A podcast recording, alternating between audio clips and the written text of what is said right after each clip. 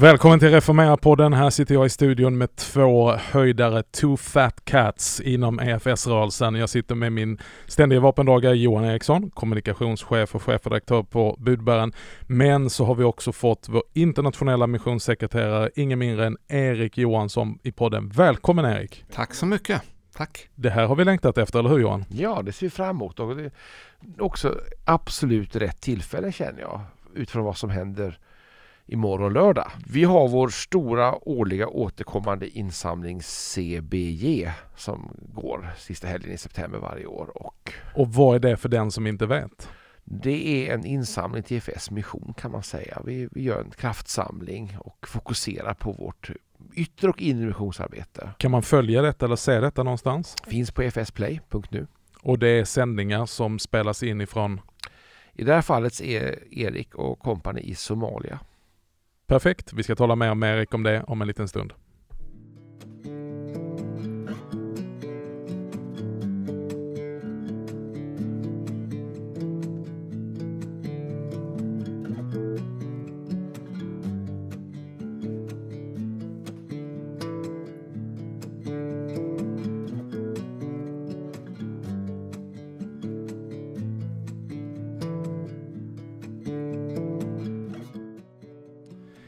Erik Johansson, när jag ser dig och din glada Nuna på bild så tänker jag på mission.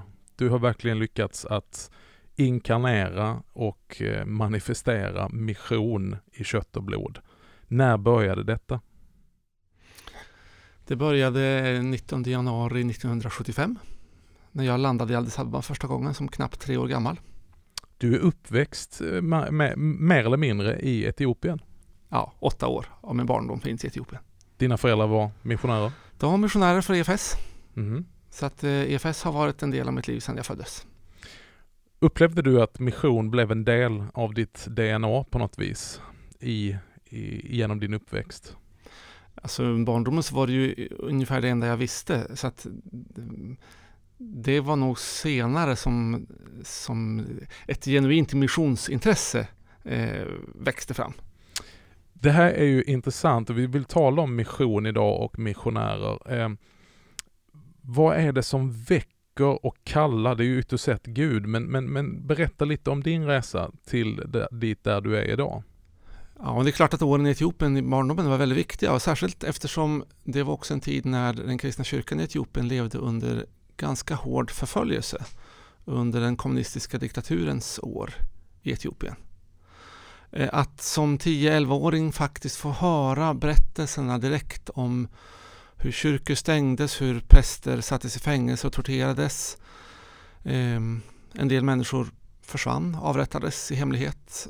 Och eh, även om inte jag som barn var direkt i närheten så, så var det ändå berättelser som, som var i högsta grad levande och aktuella. Jag lyssnade på, på mina föräldrars och deras kollegors samtal och eh, frågor och våndor och eh, mm. någonstans där så växte det en, en väldigt eh, liksom bestämd förvissning om att eh, den kristna tron är sann, att det är värt att följa Jesus även när det kostar på.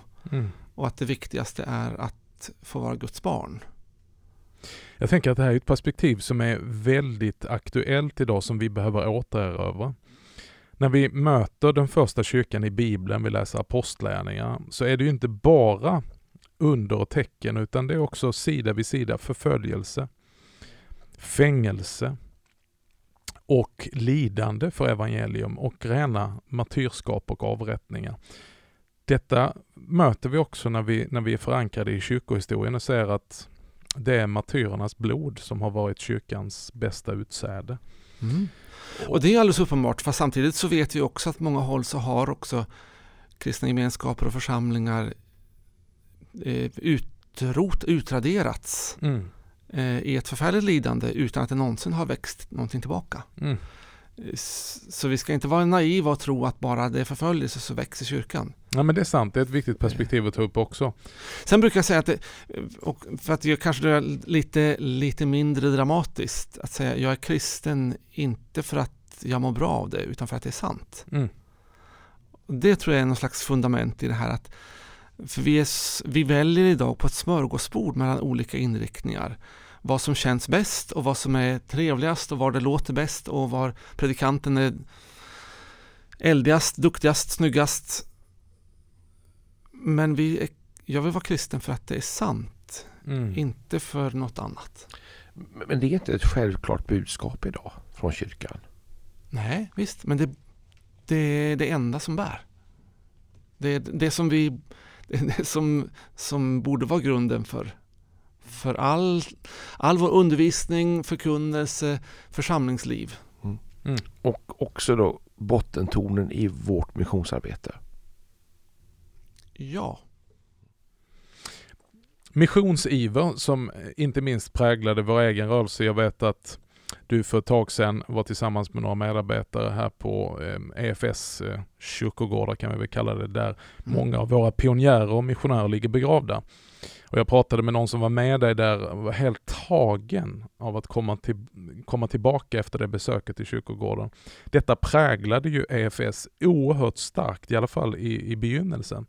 Hur kan vi väcka den missionsiven som jag tänker att det är, det är en del av ditt jobb och ditt intresse som missionssekreterare i EFS idag? Vad är det som saknas? Ja, alltså det kan ju låta väldigt förmätet att säga så, men, men eh, allt för ofta tycker jag vi svenskar lever i en slags artificiell verklighet. Förklara, vad menar du med Där vi är så invaggade i så mycket trygghetssystem och så mycket yta. Och jag vet att människor lever verkliga liv, eh, så, men, men jag tycker ofta de här mötena med levande människor och deras berättelser är väldigt värdefulla. Mm. Um, och, och, där skulle jag önska att fler EFS-are fick, fick, fick de mötena. Alltså gravplatser är en väldigt stark plats att komma till. Eh, vi har två stycken, framförallt i Sverige, i Uppsala och i Bromma. Men eh, jag minns när vi hade EFS medarbetare på besök i Addis Abeba som besökte Carl Cederqvists grav i Addis Abeba. Eh, det är bara sten med några tecken på. Men bara vetskapen att här ligger det en man begravd som, som jobbade ensam i Addis Abeba i 15 års tid. Mm. Eh, utan förstärkning, utan någonting. Och han la grunden till det som idag är, eller han var en av dem som var med och la grunden till det som idag är Mekanesierkyrkan på 10 miljoner medlemmar. Världens största lutherska kyrka. Ja. Och det var naturligtvis, han, gjorde, han la ner sitt liv i det. Och han dog i Addis Abeba eh, två månader innan förstärkningen kom.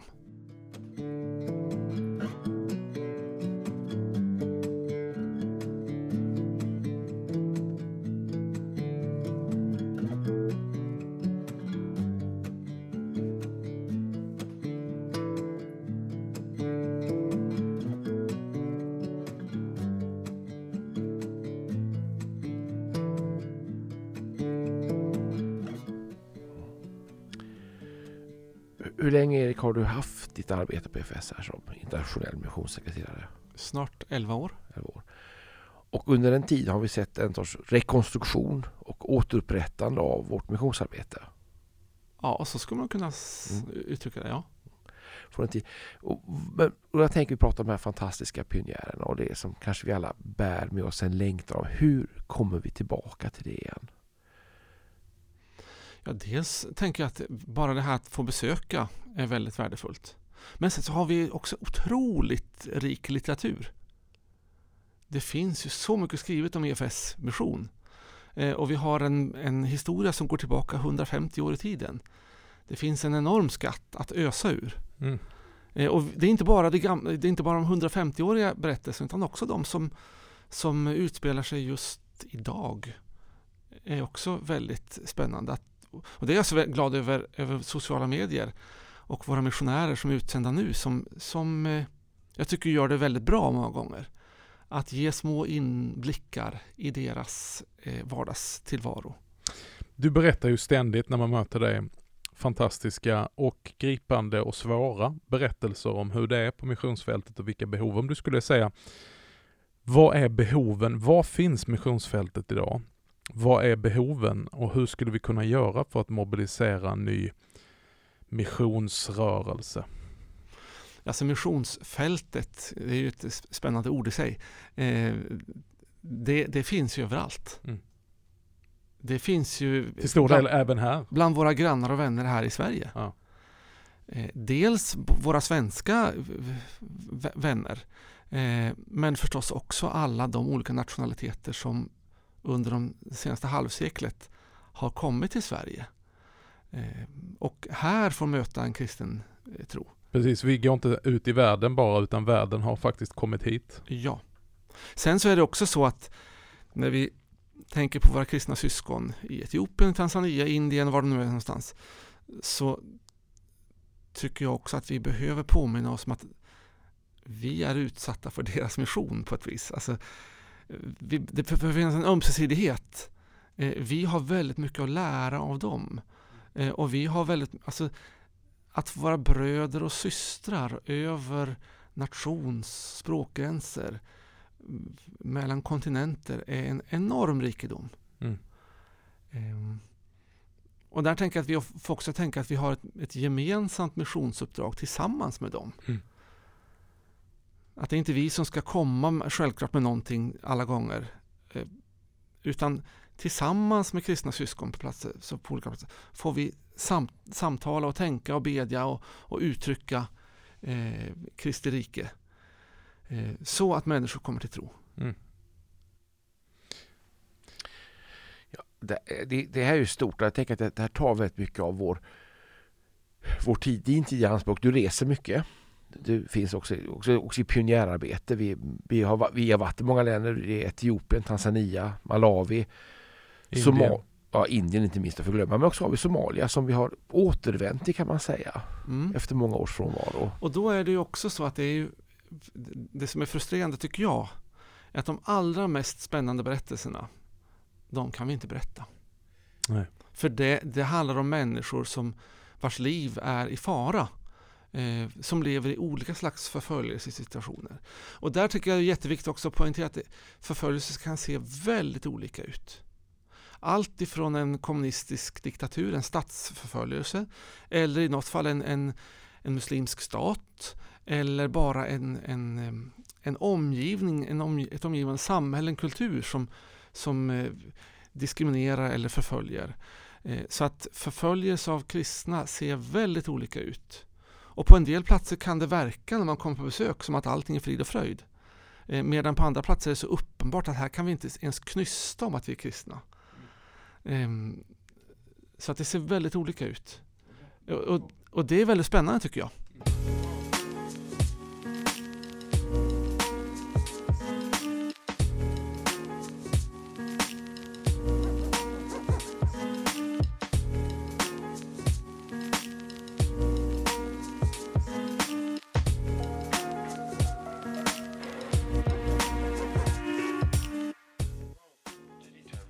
När vi nu pratar om förföljda kristna så vet jag att det ligger extra varmt om hjärtat och du har varit mycket i Mellanöstern, inte minst i Irak.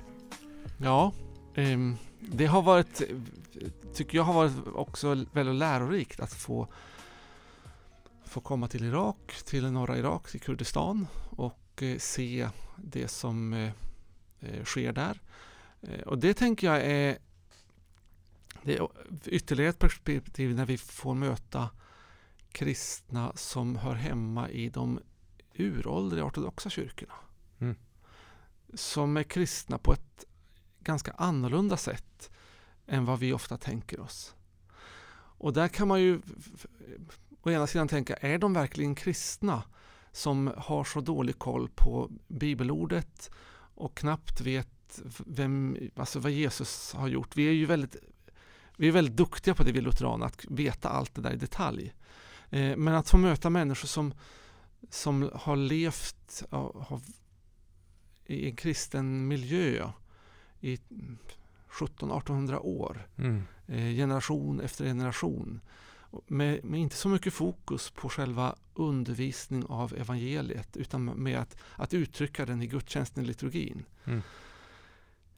Och ändå ha en väldigt bestämd identitet i Jesus Kristus det är sånt som utmanar mig som, som lutheran och pietist och, och EFSR. Liksom. Men att, få, att också få, få se att okej, okay, jag förstår inte det här. Men jag ser att de här människorna har förföljts för sin kristna tro. Och väldigt starkt var mötet med, med den syrisk-ortodoxa ärkebiskopen från Mosul. När jag träffade honom i Erbil, där han bor i, i exil numera. Eh, och han sa, eh, jag frågade just hur, liksom, hur ser han på, på oss västerländska kristna? Och, eh, och jag sa att vi, vi västerlänningar tänker ibland att ni ortodoxa undrar om de verkligen är kristna. Liksom. Eh, så, och då sa han det och, och eh, här i vårt land så har vi förföljts och slagits ihjäl och fördrivits och mördats för att vi bekänner Jesus Kristus, för att vi inte vill förneka korset. Vad har ni i Europa uppoffrat för mm. Jesus skull? Det där är rannsakande. Jag tänker på det du säger nu Erik, eh, tangerar lite det som är temat för våra poddar här. Vi talar ju mycket om helkyrklighet. Och här berättar du ett perspektiv som berikar oss där vi möter olika traditioner. Vi kommer från en luthersk, från början lågkyrklig missionsrörelse. Och så kommer du ut och så möter du Mekane Jesuskyrkan som är väldigt karismatisk. Du möter de ortodoxa, du möter de verkligt historiska kyrkorna. Eh, jag förstår att det är både besvärande och berikande, men, men mm -hmm. vad, vad, säger du själv om det här med helkyrklighet? Är det någonting vi behöver? Ja, men vi ska väl alla tillsammans fira gudstjänst i himlen en gång, så det är lika bra att vänja sig väl, tänker jag. Exakt, såvida vi inte hamnar i den där avdelningen, du vet som man brukar skoja om och säga, där, där, där, där, där Jesus får säga till alla andra som kommer in i himlen, var tysta för eh, det där samfundet som sitter inne till vänster, de tror att de är ensamma här. Ja. Och det kan jag få tro, men jag vill gärna vara med i hela den stora röran. Det är sant. Tillsammans med alla de heliga, ska ja. vi förstå. Sen är det klart att jag trivs ju bättre i somliga sammanhang än i andra sammanhang. Ja. Eh, man kan väl ha personliga preferenser, tänker jag. Ja. Men det finns en rikedom som du är inne på, som du, som du berättar att här öppnas nya perspektiv för dig. Absolut. Ja. Oh ja. Så där kan missionsfältet bli en mission till oss. Ja, men där kan jag också tänka att eh, vi som EFS har har också en upptäckt att göra att vårt bidrag är väldigt värdefullt. Mm. Och eh, väldigt behövligt på många ställen. Och då tänker du specifikt på? Ja, förstås på nådesförkunnelsen. Mm. Eh, men också på en, en, en väldigt krass, eh, trygg, enveten tro utan några stora åthävor. Mm. Jag tänker på alla våra scoutledare och söndagsskolledare i Sverige, EFS, som år ut och år in träffar de här barnen, fyra, fem, sju, tio kanske i bästa fall barn. Eh, och sen så går det några år så flyttar de till en storstad någonstans och försvinner. Mm. Ja, då kommer det nya barn, en liten grupp, alltså i det lilla formatet. Inga stora väckelsesegrar, men det där envetna, trofasta eh, tjänandet. Mm. Eh, och få se att det är värdefullt i Guds ögon. Mm. Den, den trofastheten, den ledarskapsstilen eh, eh, är någonting som vi också har att bidra med. Mm. Mission är ju på något sätt eh, pulsslagen i EFS jag möter du ju här i Sverige. Jag reser ju mest i Sverige, även om jag alldeles strax ska få förmånen att följa med dig ut på missionsfältet. Men var jag än kommer i Sverige, syd eller nord, öst eller väst, så märker du att mission, det är verkligen hjärtslaget i EFS som rörelse. Jag tänker på vad en, eh, en internationell eh, förkunnare, vän till mig, sa. Han brukar säga så här, mission is not, missional is not op, um, optional if you want to be biblical. Mission är liksom också inte bara vår rörelses hjärtslag utan det är liksom Bibelns hjärtslag. Det är hela tiden en rörelse vidare. Oh ja. Och där tänker jag också att det, det vi försöker göra i EFS är att hålla samman mission både i Sverige och internationellt. Och jag tror att det är en del av att det här missionshjärtat faktiskt slår vidare. Mm. Nu går vi in i den här helgen. CBJ. Johan, berätta lite grann. Ja, vi, vi ska belysa mycket av det vi gör. Nu är det speciella tider. Vi lever i, i skuggan av en pandemi. Vi lever i skuggan av, av inte för stunden torka faktiskt, men väl en gräshoppsinvasion som böljar fram och tillbaka och utmaningar för dem i våra missionsländer av humanitära slag. Jag Jag tänker också, vi pratar om Somalia här och vårt arbete i Somalia är humanitärt. Vi, vi supportar. Och kan inte du berätta lite om vad det är vi gör Erik? Ja, vi har ett fantastiskt samarbete med en organisation som heter Warsan i Hargeisa i norra Somalia eller det som kallas för Somaliland ibland. Eh, och de eh, har i samarbete med, med myndigheterna, Ministry of Health, alltså hälsovårdsdepartementet, eh, fått eh, ett par distrikt där de får eh, vara en slags eh, vårdcentral, mobil klinik, besöka byar, barnavård, mödravård och kunna också skicka vidare folk till stan när det behövs mer ordentlig sjukvård. Eh, sen så i ett par skolor så har vi också skollunch för de barnen, vilket gör det möjligt för barn att gå i skolan. Eh, om det finns ett mål mat att få där. Sen möter vi också pandemins, eller vi ska vi mildra pandemins verkningar ska jag säga. Ja. På olika sätt. Och det vi har sett hittills framför allt är ju inte en stor eh, alltså pandemi det är inte så väldigt många sjukdomsfall. Däremot så har samhällen satts på broms och lockdown som gjort att det har blivit väldiga svårigheter för många. Mm. Eh, och några av de sjukhus där vi har kontakter har ju i början av pandemin så, så stängdes ju allting och de fick inte några patienter alls. Och ingen vågade komma till sjukhuset för att man i rädsla för en slags ny virussjukdom som ingen visste någonting om. Eh, vilket gjorde att sjukhusen inte heller fick de, de intäkter de skulle få. Och sen har vi skolor och institutioner som har stannat av helt och hållet på grund av att man inte får de där skolavgifterna eller, eller eh, ja, de små betalningarna. Vilket gör att man inte kan ha råd att ha sin personal kvar, vilket gör att institutioner och eh, så eh, stannar av och i värsta fall tvingas läggas ner. Mm. Jag läste om det här just i Afrika, att det, det, de förutspår väldigt lång påverkan på samhället, framförallt i en förnyad fattigdom. Folk tappar sina utkomster. Man får en regression på något sätt och där vi inte har sett resultaten. Vi tar nästan höjd för något som komma skall. Ja. Eh, och det är väl ingen som vet var det tar vägen. Men det är klart att det finns stor oro för, för det. Och där är det också märkligt att, eh, att vi tillämpar samma slags lockdown eh, oavsett hur samhället ser ut. Mm. Ja, jag kanske också helt, kan man säga som i Afrika så gör kanske också lockdownen och åtgärderna mer skada än själva sjukdomen just nu. Ja, definitivt. Våra systerkyrkor gör vad de kan. Ja, mm. det gör de. Eh, på, på väldigt olika sätt. Men de är också själva väldigt hårt drabbade av, av detta. Jag tänker att det vi kommer att prata om här då, på CBE, som vi fokuserar på, det är insamling till det som vi kan göra, det som vi gör och tar höjd för. Och, och det är på flera håll. Vi, vi är i Indien, mm. vi finns i Mellanöstern och så har vi då de länderna i Afrika som är Etiopien, Tanzania och Somalia för stunden. Mm. Och Eritrea. Ja. Och Eritrea också klart, inte att förglömma. Och det är ju spännande med att vi faktiskt har de kontakterna. Eh, vi har naturliga ingångar på alla de platserna. Eh, och eh, har, tycker jag, en, en god relation till våra kristna syskon i de länderna. I all sin bristfällighet. Men det tycker jag var spännande också att se. Eh, I Sverige har vi ju gått online väldigt mycket. Och det är faktiskt inte bara i Sverige. Utan på, på många håll så har man också övergått till livestreamade gudstjänster. Vilket gör att väldigt många fler får del av det. Mm. Så det tänker jag också är en sån långsiktig effekt av pandemin. Att nu har vi tvingats att överge eh, liksom den, enbart den fysiska gudstjänsten utan också eh, nå ut. Mm. Jag tror att vi behöver den fysiska gudstjänsten. Så den kommer vara efterlängtad när den kommer. Men kanske har vi lärt oss något nytt. Mm. Hur vi kan nå vidare med evangelium på ett nytt sätt.